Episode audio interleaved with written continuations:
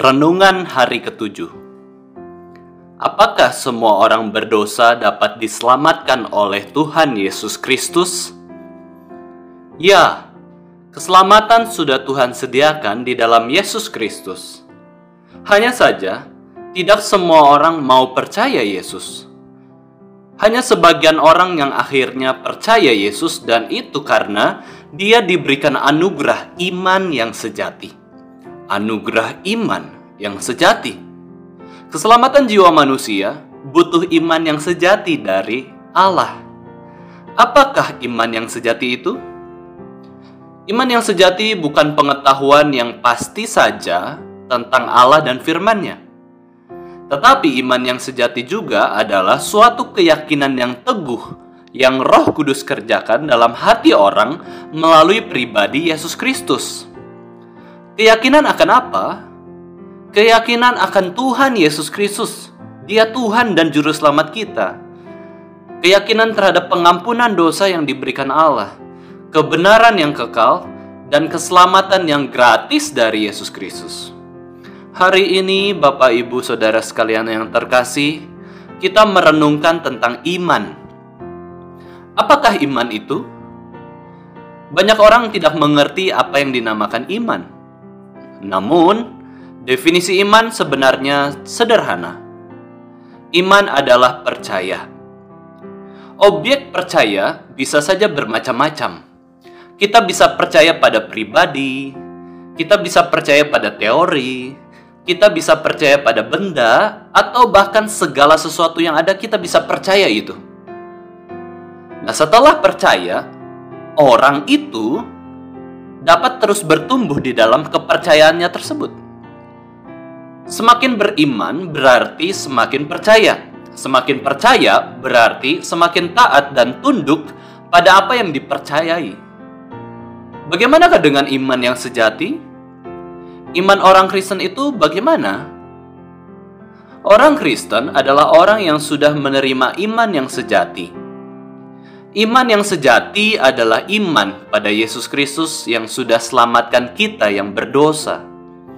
Orang yang sudah beriman pada Yesus akan terus berjuang untuk memiliki kehidupan yang penuh percaya kepada Yesus. Imannya dibentuk untuk semakin taat, semakin kuat kepada Allah.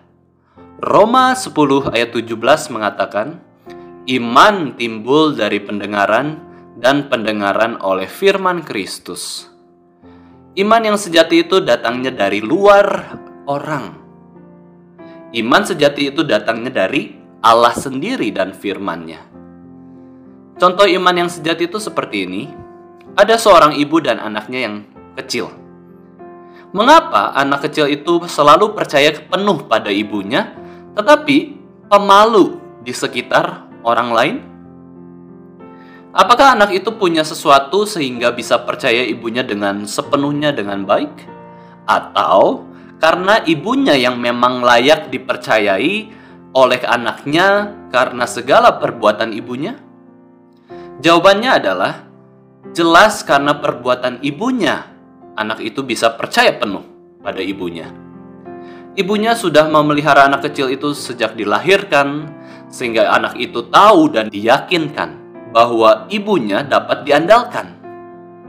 Kenapa anak kecil itu pemalu pada orang sekitar? Karena tidak ada data mengenai apa yang telah orang lain lakukan pada anak kecil itu. Nah, inilah artinya bahwa iman anak kecil itu dihasilkan dari luar dirinya, bukan dari dirinya sendiri. Kekristenan menyatakan sumber iman sejati adalah apa yang telah Allah nyatakan di dalam Alkitab. Orang Kristen dapat beriman karena apa yang sudah dinyatakan dalam Alkitab, dan Roh Kudus menggerakkan orang tersebut untuk percaya. Jika memang Alkitab adalah sumber iman yang sejati, kenapa ada sebagian orang semakin beriman ketika dengar pesan Alkitab, dan sebagian yang lain itu tidak beriman? Jawabannya adalah karena kapasitas orang tersebut. Orang yang berdosa tidak mampu mengerti apa yang dinyatakan Alkitab, kecuali ada kuasa Roh Kudus yang bekerja untuk menghidupkan rohani orang tersebut. Ketika orang yang berdosa mengalami kelahiran baru oleh Roh Kudus, di sanalah orang itu memiliki iman kepada Yesus Kristus dan imannya itu bisa bertumbuh. Apakah kelahiran baru di dalam Yesus Kristus itu? Kelahiran baru itu ibarat mujizat yang Yesus pernah lakukan di dunia ini. Orang buta melihat, orang timpang berjalan, orang mati dibangkitkan dan hidup kembali. Oleh karena kelahiran baru dalam Yesus, maka orang tersebut dapat memahami dan diyakinkan oleh isi pesan Alkitab. Lalu Roh Kudus yang mengubah orang dari dalam sehingga orang tersebut memiliki kapasitas untuk menerima firman Tuhan lalu hidup beriman. Maka Bapak Ibu Saudara sekalian yang terkasih, sangatlah penting agar setiap orang mengalami kelahiran baru karena dengan kelahiran baru, orang tersebut sudah dipimpin Roh Kudus dan mampu untuk mengerti kebenaran Alkitab, sehingga membuat kehidupannya semakin beriman di dalam Tuhan.